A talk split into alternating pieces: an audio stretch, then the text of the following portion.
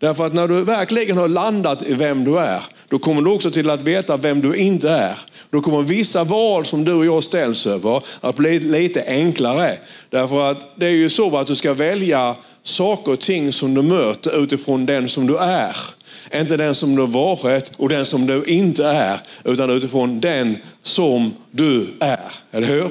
Så att de 21 dagarna, då, jag tror att de kan förändra resten av ditt liv. Va? Nedräkningen den har börjat. Så att vi ska gå in här vid nu och titta på några olika saker. Jag är säker på att Gud har ett budskap till oss här i Sölvesborg och faktiskt hela till, till hela Sverige. Jag kommer till det strax här vid då, därför att det finns en potential hos de kristna i Sverige som inte riktigt kommer fram. Alltså det finns så mycket fantastiskt, det finns så mycket bra. Alltså du, du, du, du har någonting på insidan som Gud vill förlösa. Och kan vi förlösa det så kan vi förändra Sverige. Tror du på det? Ja, kan vi förlösa det här i Sölvesborg, Bromölla, i vår region så kan vi förändra regionen. Därför att det finns ett ljus, det finns en energi, det finns en kärlek och det finns en kraft som vi är kallade att bära med oss vart vi än går. Så har jag en rubrik här vid först då, va? att om du kan förändra rösten på insidan. Ja, du vet att för att du ska kunna bli den du är, det är en resa egentligen. Jag, jag, tänkte lite grann på mig själv när jag, när jag växte upp. Sådär. Jag fick ju ett uppvaknande då när jag var i 19-20-årsåldern. Därför att det är inte så lätt att hitta sin personlighet. Vem är, vem är jag egentligen? Nu tänkte jag inte så, utan när jag var 19-20, fram till jag var 19-20, då levde jag för dagen. Jag levde för timmen. Alltså jag jobbade så, men det jag funderade på när jag vaknade på morgonen, vad kan jag göra för någonting som är roligt idag? Alltså längre och djupare var jag inte. Men när jag kom i 20-årsåldern då så började jag läsa andra böcker än de jag hade läst innan då. Det var ju så att min pappa han, han eh, prenumererade på Fantomen till mig. Så jag älskade Fantomen. Tarzan, Buffalo Bill. Och sen när jag blev lite mer kultiverad så började jag läsa en kioskvästern som hette Morgan Kane. Alltså jag älskade dessa här böckerna. Det kom en ny varannan månad. Och jag väntade liksom utanför kiosken i Valje och sen körde jag hem och sen sträckläste jag den här västernboken om Morgan Kane. Han var Texas Ranger, han jobbade i Texas. Sen blev jag oerhört besviken några år senare när jag kom på att det var en norrman som hade skrivit de här västernromanerna. Det var en stor besvikelse för mig. För jag fattar liksom inte hur norrman kunde skriva om en Texas Ranger från Texas. Men, men sen då när jag blev lite äldre då och, och eh, började läsa eh, andra typer av böcker, jag var i 20-årsåldern, då vet jag att ena dagen så var jag på det sättet, andra dagen var jag på här. Jag ville väldigt gärna vara intellektuell, så att när jag läste då intellektuella böcker och jag satt på tåget eller bussen så kunde jag hålla upp boken så här för jag ville alla skulle se att jag läste någonting annat än kiosklitteratur. och det, det, man letar många gånger efter sin identitet. Eller hur? Alltså, vem, vem är jag egentligen? Sen, sen landar man någonstans. Och det är samma sak när jag började predika då. Och jag hade inte varit frälst så länge när jag började predika. Och det var ju så att man hade lyssnat på Raina Bonke och då kom man ju ut. Det är, samma, det är inte riktigt samma scen vi byggt ut, men det är ju den här kyrkan som har stått ut med mig genom alla åren. Va? Då kom man ut och sen så ville man låta som Raina Bonke. Sen nästa söndag så hade man blivit inspirerad av Benny Hinn. Och en helt annan ton. va? Halleluja. Kan han bara lyfta händerna? Står ni va? Och nästa söndag så var det en annan predikant. Man, man, man, sökte på något sätt. Men det är ju så att, att till sist så landar du i dig själv. Alltså du måste veta vem du är i dig själv, i Jesus Kristus. Därför att, lyssna nu. Gud gör inga kopior. Kan du säga det? Gud gör inga kopior. Ja. Ja, alltså Gud gör inga kopior. Det är därför som det finns så många original i frikyrkan. Alltså jag vet ingen plats i hela världen där det finns så många original som i frikyrkan. Ja, men det finns en orsak till det också. Och det är därför att Gud, han gör inga kopior. Därför så blir vi lite originella allesammans. Och det ska vi vara också. För att när du då liksom på något sätt landar i dig själv och vet vem du är. Och då är det också så att vår storebror, han heter ju Jesus. Vi tänker inte alltid på Jesus på det sättet. Och, och, och alltså han är vår förebild. Och, och jag är lillebror och du är lilla syster. Så att när, när vi landar i oss själva, då landar vi i lillebror. Och lillebror är lik storebror. Så när, när, du och jag vet vilken vi är, ja, då är det lilla syster och lillebror till Jesus. Och då börjar den personligheten som Jesus har, då börjar vi veta vem jag är. Jag är alltså lillebror till Jesus. Då finns det en hel del saker som också faller bort som jag inte är. Därför att jag är Jesus lillebror. När vi ber så ber vi inte alltid så att Jesus är också Herre, men du är son också och dotter. Ibland kanske inte, vi tycker det är konstigt att säga det, men jag är också son till Gud. Men Jesus är sonen med stort S, han är den förstfödde. Men vi är söner och döttrar allesammans. Så, så när man då landar i detta här, då växer det fram en trygghet. Jag börjar fatta vem jag är. Då vet jag att jag är inte det här, jag är inte det här och jag är inte det här. Därför att det finns krafter då som, som vill för, förstöra din tro. Vi ser ju då att välfärden i västvärlden, alltså den är ju, alltså det, har, det har aldrig varit bättre om man bortser från corona som har drabbat oss nu. Men trots att vi har allt, kylskåpet är fullt, liksom att pengabörsen och vi bor fint, så är det ändå väldigt, väldigt många människor som mår extremt dåligt. Alltså, man pratar om att den psykiska ohälsan har aldrig varit värre än den är. Trots att vi har det så bra så är det ändå så många människor som mår så dåligt. Och det är därför att de vet inte vilka de är. Om du inte vet riktigt vem du är, då mår du dåligt. Men när du kan förstå vem du är i Jesus Kristus, då kan man börja att bearbeta det som gör att du inte mår riktigt bra. Då finns det en fast punkt. Och sen är det också då att när man kommit in i Jesus så kommer den, den, den värdegrunden, den tron kommer alltid att vara attackerad. Det finns saker och ting som, som vill nöta bort den tro som du har. Alltså tron på, på Guds ord, tro, tron på det som Jesus han har gett oss. Varför det då? Jo, därför att utan tro är det omöjligt att nalkas Gud. Så, så, det var en artikel här vid nu i Svenska Dagbladet, någon som har skrivit liksom på något sätt där man bortförklarar hela Bibeln. Och jag förstår det, för har man inte mött Jesus då fattar man inte vad vi tror på. Men, men det finns hela tiden krafter som motarbetar din och min tro. Men, men du vet att när du då har hittat och förstår vem du själv är, då så kommer alltså rösten på insidan att förändras. Därför att om du verkligen vill förändras på djupet, då måste också rösten på insidan förändras. Och det, det, går att göra det och det kan ta lång tid. Men med det jag menar, när jag då kom till Jesus och när vi kommer till Jesus då, och när vi börjar möta den helige ande och när vi börjar läsa vad Jesus har sagt och, och man, man ber ut dessa här sakerna, då förändras ju också rösten på insidan. Eller hur?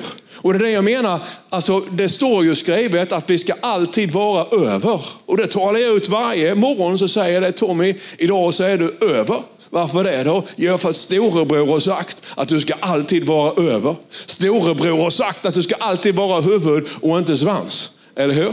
Storebror har sagt. Och alla Guds löften har fått sitt ja och amen i Jesus Kristus. Man, man landar i detta här och så börjar rösten säga någonting annat än det som är. För vi har ju röster på insidan. Nu säger jag inte att det är demoner så, utan det är våra egna tankar. Det är från vår barndom, våra föräldrar, våra kompisar har sagt som, som på något sätt kommer att ge sig till känna. Men det ska vi bryta under 21 dagar. Vi är på väg dit. Är du med mig? Vi ska, förändra, vi ska förändra rösten på insidan så att det som sägs i dig, det som du tänker stämmer överens med den som du är och inte med det som du inte är. Och absolut inte det som du har varit. Utan du är en ny skapelse i Jesus Kristus. Eller hur? Kan du säga alltid över? En gång till, alltid över. Kan det låta som att ni är många nu? Alltid över. Okej. Okay. Mm. Alltså, potentialen finns. Och då är det så att, att framgångsrika människor, alltså, bli nu inte liksom orolig på det jag ska säga nu. Framgångsrika människor tänker annorlunda. Det är inte så att framgångsrika människor är de smartaste. Långt ifrån. Vi tror ju ofta det. Jag känner väldigt många människor som är, eller inte väldigt, men jag känner en hel del framgångsrika människor. Och jag vet ju då att i, i, i, liksom i, i församlingarna som jag har mött, så, så finns det många som är smartare, de har bättre förutsättningar. Alltså omständigheterna har varit mer gynnsamma. Men ändå så, så fungerar det inte riktigt. Och det här går ju tillbaka till bilden som du har av dig själv. Några av de människorna som jag känner som, som är alltså, alltså otroligt framgångsrika, det är det att de är kanske inte de smartaste, de har inte den största talangen, men de tror på sig själva. Och du vet att, att tro på Gud är ju en sak. Jag var inne på det sist, men det är så jätteviktigt det här va? Att, att vi tror på Gud. Men vi vågar inte tro på Gud i oss själva. Vi, vi tror på Gud, men du tror inte på dig själv. Och det är det som är så oerhört viktigt, va? att om nu Gud tror på dig, om du tror på Gud, om Gud tror på dig, då borde du också våga tro på Gud i dig själv. Jag talar till dig som tittar nu. Om Gud tror på dig och du tror på Gud, då skulle du också kunna våga tro på Gud i dig och vad han kan göra i dig. Därför att Gud, han tror på dig. Eller hur? Alltså potentialen, lyssna nu. Potentialen att förändra Sverige finns hos oss kristna. Därför att vi är tillräckligt många kristna som tror på Gud. Men problemet är att vi tror inte på oss själva. Så om vi då kan hjälpa Sveriges samlade kristenhet att också våga tro på Gud i sig själv, då kan vi förändra landet. Kan du se detta här? Och, och, hur gör vi det då? Ja, det finns en väg att förändra tron i oss så att vi vågar och börja tro på oss själva. Och här gäller det också då att, att ha tyngdpunkten rätt. För att många gånger när man talar om att man ska tro på Gud i dig själv, så talar vi om nådegåvor och många vill komma ut i tjänst för Gud. Och det, det, finns en väg där. För, att, för, för många år sedan när jag, när jag var ganska nyfrälst då, så talar man ofta om det här om att komma ut i tjänst för Gud. Att Gud vill använda dig. Och det blev väldigt fokus på, på vad man skulle göra då. Det blev fokus på att man skulle profetera, man skulle be för sjuka. Men det börjar ju inte där. Utan om du vill bli lik storebror, det finns ju ingen som har exploderat i under och tecken som storebror Jesus. Kan du hålla med om det? Kan ni hålla med om det som tittar? Eller hur? Alltså Jesus är ju den som gick på vatten. Petrus också, några meter, eller hur? Jesus var den som väckte upp döda. Jesus var den som, som helade sjuka. Jesus var den som talade till vinden. Men, men vad började det med? För att du kan inte lära dig att be för sjuka. Du kan inte lära dig att profetera. Det här är ju rätt så tokigt egentligen. Vi, vi, det fanns ju profetskolor, nu får ni ursäkta mig ni som tittar, men det här är fel. Du kan inte lära dig profetera. Det går inte, utan den helige ande fördelar sina gåvor så som den helige ande vill. Eller hur? Och, och, när du då ska be för sjuka så, så det börjar inte med att du, du, kan liksom inte läsa dig till. Det finns ingen manual och ett prov som du kan skriva upp och sen får du ett certifikat och säger jag kan be för sjuka. Utan det är den helige ande som gör det i namnet Jesus genom oss. Och då måste vi börja rätt. Så att då när, när den här enorma potentialen som finns i Sverige, om vi kan förlösa den så människor börjar tro på sig själv, då måste man också liksom följa storebror Jesus. Och då, då, då går det tillbaka att så älskade Gud världen. Är ni med mig en gång till? Så älskade Gud världen. Eller hur? Så älskade Gud världen. Så alltså att Gud han älskade världen, därför så sände han sin son. Och när sonen kommer, vad är det, vad är det storebror först gör? Jo, det första som Jesus gör, det är inte under och tecken, utan det första han gör, det är att han älskar de människor som han möter. Så att när du och jag vill, då vill gå i, i storebrors fotspår, så börjar allt med att leva i samma kärlek. Det är det som Jesus han också säger till lärjungarna innan han lämnar. Så säger han till dem att, att jag ger er ett bud, säger han. Att ni ska älska andra så som jag älskat er. Så att när vi ska förlösa potentialen, halleluja, i oss. Be inte om att du ska få be för sjuka. Be inte om undertecken i din tjänst. Be inte att du ska få profetera. Utan börja be istället att Herre hjälp mig att börja älska alla människor som jag möter med samma kärlek som Jesus skulle älskat dem. Och så säger du då, men Tommy vad har det med under och tecken att göra? Jo, det märkliga är att man kan läsa i Korintierbreven när Paulus undervisar om det här. Men sen så ett kapitel längre fram så säger han så här att nu ska jag visa er, säger han, en väg. Kom igen nu. Han ska visa er en väg som är överlägsen alla andra vägar. Så om du vill in i undertecken, vill du ha en tjänst där du predikar för tiotusentals människor? Vill, vill du se döda stå upp? Vill, vill, du se sjuka? Vill du börja profetera? Så säger han, det finns en väg som är överlägsen alla andra vägar. Och det är kärlekens väg. Eller hur? Kärleken tål allt. Kärleken uthärdar allt. Kärleken förlöser allt. Och nu återstår dessa tre, tro, hopp och kärlek. Så att när vi då blir lika Jesus, när vi blir lika storebror, då ser vi varje människa vi möter med samma kärlek som Jesus. Och när vi då ser människor med samma kärlek som Jesus, så kan jag lova er, då börjar vinden blåsa. Vinden börjar inte blåsa för, efter hur mycket vi ber. Vinden börjar inte blåsa utifrån vad vi presterar. Vinden börjar inte blåsa för att vi är felfria. Vinden börjar blåsa när vi börjar älska människor. Därför att den helige ande kommer för att hjälpa människor. Den helige ande kommer för att upprätta människor. Den helige ande kommer för att älska människor. Den helige ande kommer, amen, för att hjälpa. Kan du se det här? Och det här är ju oerhört viktigt. Det är tvärtom farligt. Jag skulle vilja varna folk för att gå på profetskolor. Därför att om du står och försöker forcera fram ett profetiskt budskap, det är det möjligt att det kommer ett budskap som är sant. Men bara för att det är sant så behöver det inte vara från Jesus. Det här, det här får vi inte syssla med. Utan det är den heliga ande som stöder det här. I namnet Jesus. Och när det kommer så kommer det. Börja älska så ska du se att det bara kommer till att bränna till. Amen. Kan du säga, jag vill bli lik storebror. Ja, ja, så är det. va. Och det, det, problemet är alltihop detta här då att en av de saker som vi, vi på något sätt delar och som många har gemensamt, det är just det här lögnen om dig själv. Alltså, du, du, att du, du vågar inte tro på dig själv. Utan det finns en massa lögner som säger att du är det här och du är det här och du är det här och du är det här.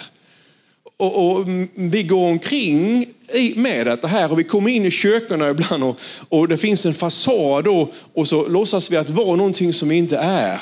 Men, men du vet att den här lögnen kan vi på något sätt eliminera.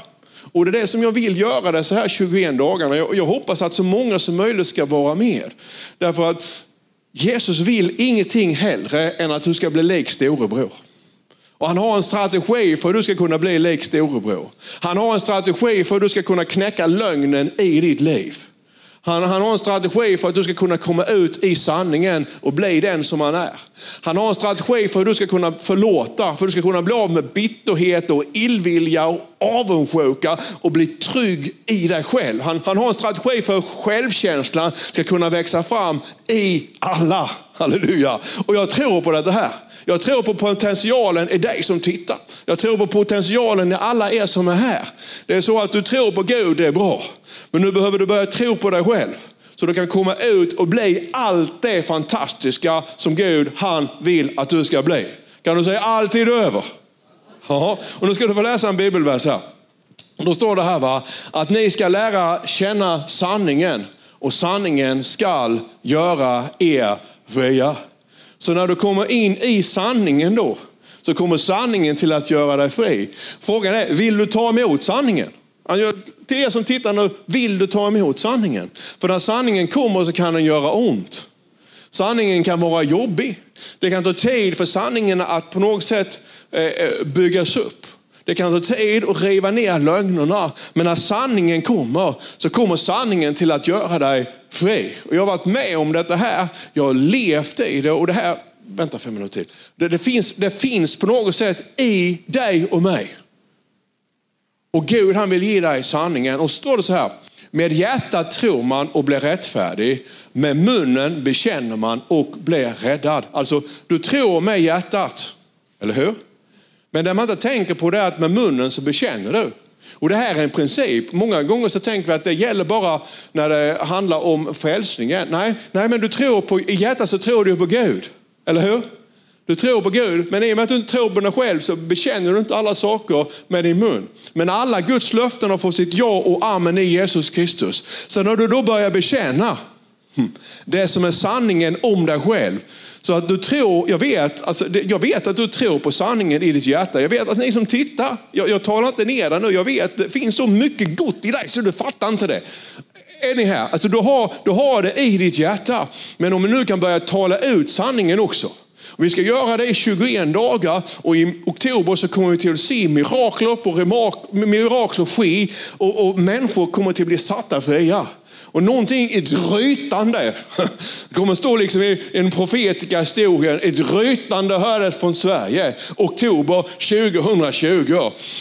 Alltså, alla, alla, alla Jesus småbröder och småsyskon, de reste sig upp och började proklamera sanningen om sig själva och kom ut i att börja leva det som är sant i dig. Och de tog det första steget, de började älska människor runt omkring sig på sin arbetsplats, på sin skola, skola, i familjen, så som Jesus hade älskat dem. Den heliga ande började blåsa och hela Sverige upplevde en genomgripande väckelse. Halleluja, det är möjligt. Mm. Vad är vi här nu då? Ja, vi är strax klara här nu. Eh, sista punkten. Då är det så här va, att en ljuger och det är inte jag. Kan du säga det? En ljuger och det är inte jag. Ja, så här är det. Alltså, nästa bergstopp är alltid högre. För jag vill säga det till, till, flera av er nu och några av er som tittar också. Jag var inne på det förra gången, men det här behöver man säga nästan i varje predikan. Därför att några av er har fått en undervisning som säger att så fort det blir fel så är du inte rätt med Gud. Det är inte sant. Så fort som, som du prövas och där allting är jobbigt och du fattar liksom inte hur du bara kan råka ut för detta här, så kommer det från Gud. Det är inte heller sant. Amen. Om jag än vandrar genom dödsskuggans dal så är du med mig. Din käpp och stav tröstar mig. Så om du inte hade behövt gå genom dödsskuggans dal när du är med Jesus, då, då kan vi ju stryka den salmen ifrån vår bibel. Men lyssna nu på mig. När du är på en bergstopp och sen ska du gå till nästa. Då är det så att nästa bergstopp är alltid lite högre än den du har befunnit dig på nu. När Gud han tar dig vidare i livet så går du från en nivå och så går du till en högre, en annorlunda nivå. Och för att gå från en bergstopp till nästa så måste du gå genom dödsskuggans dal. Det, det är en del av livet. Alltså när du går från en nivå i livet till nästa så är det alltid någonting som måste dö. Så vad, vad, som händer då när vi tycker att det är som allra jobbigast och vi säger till Gud, vad är det egentligen du håller på med? När vi inte fattar allting runt omkring oss och vi fattar det kanske inte förrän den dagen vi får möta Jesus. Men då är det så att det kan vara på det sättet att då när allting har rasat samman och du, du liksom inte var, var, vet varken ut eller in. Lyssna nu, det kan vara då som han förbereder dig för nästa nivå. Så har du aldrig tänkt, och så många gånger tänker vi inte, men det kan faktiskt vara på det sättet. Jag har gått igenom många svåra saker. Sen, sen, ja, sen jag var, var barn då. Va? Och inte alla, men några av de grejerna förstår jag att det här gick jag igenom. För att förbereda mig på nästa nivå. Hade jag inte gått igenom de här svårigheterna så hade jag inte kunnat göra det som jag gör nu. Mm, och man kan ta ett enkelt exempel till exempel. Att när du är singel och så träffar du någon och det är ju så att äktenskap är inte en vigsel. En gång till. Ett äktenskap är inte en vigsel. Utan vigseln, det är då som det börjar. Äktenskapet, det är det som är, återstår, det är resten. Och du vet att när du går från att vara ensam till att ni blir två, Ja, då, då, då, då får du lämna en bergstopp och sen ska du upp på nästa. Det är en lite högre nivå och den är två människor. Och då kan du inte leva som du levde när du var singel. Utan en del av singellivet måste dö för att äktenskapet ska fungera. Och sen när ni då smälter samman och blir två så får ni med tiden kanske barn. Och det är en ytterligare nivå då. Och när du, när du får barn, då är det kanske det finaste man kan få. Man, man får hand liksom om en liten, liten varelse som inte kan försvara sig själv. Att bli pappa eller mamma. Ja, då får du också lämna livet att bara behöva tänka på dig själv i princip. Och kanske din fru eller din man. Det är också en högre nivå. Då måste en del av dig själv dö. Därför att om du, du fortfarande tänker på dig själv som singel, när du är både gift och har barn, då kommer inte äktenskapet att fungera. Så det menar att när, när Gud han, han tar med dig och mig på en resa nu, så, så är det så att emellanåt så går du och jag, vi färdas genom dödsskuggans dal, därför att vissa saker i dig och mig måste dö. För annars kan Gud inte ta oss på till nästa nivå. Det här är nästan en helt ny predikan, men det är det vi är på väg nu. Saker och ting måste dö i oss därför att Gud har någonting större, någonting bättre där framme för dig och mig. Kan du säga allt är över?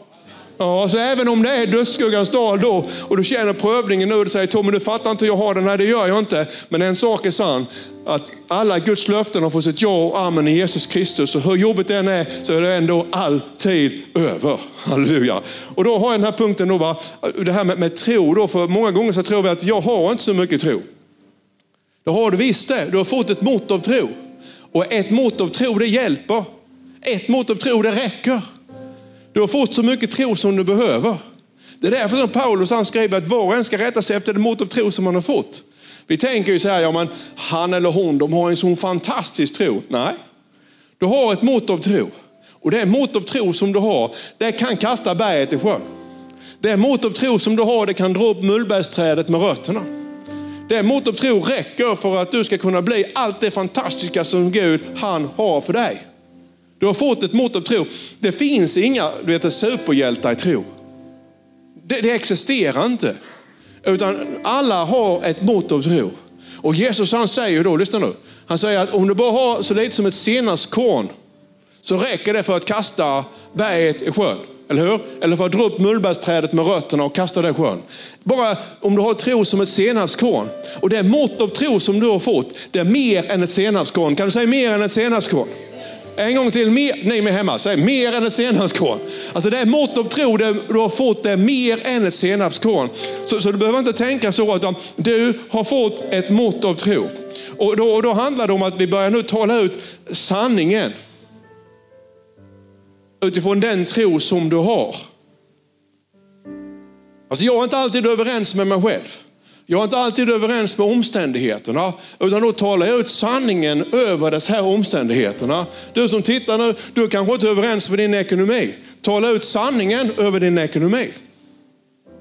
Jag, jag talar över döda saker emellanåt. Talar över människor, talar över situationer. Jag ska ta, ta två ganska snabba exempel här. Vi håller på att öppna eh, liksom ett center nu i Mellanöstern.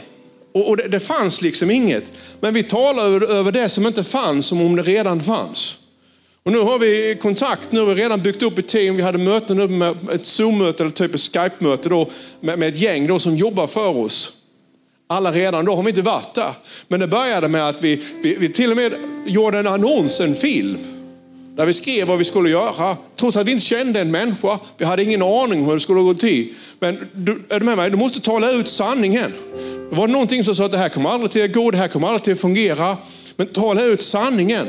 Stå i tro och tala sanning till saker och ting. Alltså, du tror det med hjärtat och tror du det med hjärtat så får du tala ut det med munnen. Ni vet att vi har ju köpt en båt och det är inget märkvärdigt med det. Men jag vill ändå berätta att för mig var det märkvärdigt. För jag är så gammal nu, jag har aldrig haft båt. Och det här med att köra båt är en sak och som jag sa i någon annan predikan att lägga till det är en annan sak för man vill ju komma i land också. Vi har ju flöjtvästar men vi vill inte använda dem. Och, och då, då, det här var ju liksom, liksom på något sätt så, så, så sa Gud till mig att du kan välja vilken båt du vill. Och, och det är det jag menar att Gud han är intresserad av vår ande, själ och kropp. Så, så jag drog med mig Karin eh, förra hösten då. Va? Det fanns en plats nere vid bryggan och där, där ska båten ligga. Och så stod jag där och så sa jag till Karin, kan du se båten? Alltså omständigheterna sa Tommy, du är ju dum. Vad ska du med en båt till? Eller hur? Förståndet sa, det här kommer aldrig till att fungera. Var ska de pengarna komma ifrån? Alltså, eh, allting var emot. Men det fanns ändå tro i hjärtat, ett mått av tro. Så vi stod där vid, mitt i vintern flera gånger. Det var hur kallt som helst. Du vet, det är kallt ute vid havet när det är vinter. Vi stod där båten skulle ligga. Vi hade inte hört platsen heller. Utan sa, i Jesu namn, båt bli till. Ja, den blev till. Och, och det är så att när Gud han då bryr sig om dig, så bryr han sig om oss på alla livets områden. Nu är det inte det materiella som kommer först, utan det är att, att först älska Gud, sen älska människor och sen älska livet som Gud han har gett oss. Men det är dit som vi är på väg. Okej? Okay? Så att tala ut sanningen över omständigheterna. Och när omständigheterna inte stämmer överens med sanningen, då finns det någon som ljuger. Det var, det, det var någon som ljög för mig, så sa till Tommy, den här båten kommer aldrig bli till.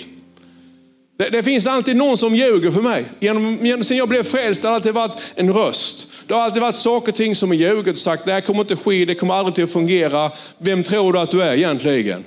Och det är det så va, att, att det är en av oss som ljuger för att vi ska lära känna sanningen och sanningen ska stämma, sätta oss fria. Så då får du gå in i sanningen och se vad står det egentligen i sanningen. Och det är sanningen som stämmer. Så då, då kan du bara säga att sanningen säger att Gud har lovat att jag ska få överflöd av allt som är gott. Gud har lovat att vi ska predika evangelium till hela världen. Sen ska Jesus komma tillbaka. Gud, alltså sanningen sätter mig fri. Sanningen säger att genom hans sår är jag helad. Sanningen säger att jag ska förnya din ungdom. Alltså sanningen säger att den heliga sängen ska hållas i helhet. Sanningen säger, sanningen sätter oss fria. Och då så talar vi ut sanningen, då har det i hjärtat. Under 21 dagar så ska vi proklamera sanningarna varje dag. Vi ska proklamera sanningarna om ditt liv. Vi ska proklamera sanningen om din familj. Vi ska proklamera sanningen om folkkyrkan, om din församling. Vi ska proklamera sanningarna och saker och ting kommer till att börja ske. Har jag en bild till? Vet inte det? Ja. Med hjärtat tror du va? Och med munnen bekänner du. Och jag är klar här vid nu, men tänk bara på det här att Jesus, säger du, har du bevis på det Tommy? Ja, Jesus han säger, tala till berget säger Jesus. Eller hur? Och berget, det är problemen på utsidan. Sen så talar han, tala till mullbergsträdet. Det är problemen på insidan. Och vägen som Jesus han har för både berget på utsidan och för mullbergsträdet på insidan. Det är att du kan i tro tala till både berget och mullbergsträdet. Så att nu när vi då den 29 september börjar be då, så har du saker och ting på insidan som inte stämmer, som gör att du inte mår bra. Då ska vi börja tala till mullbergsträdet, för vi ska börja kasta upp det. Och Satan han kan stå där emot i 21 dagar, men sen ska det komma en befrielse. Mullbärsträdet ska ut. Och är det ett berg som på något sätt stoppar din väg, så ska vi kasta berget i havet. Vi tror på Jesus. Halleluja.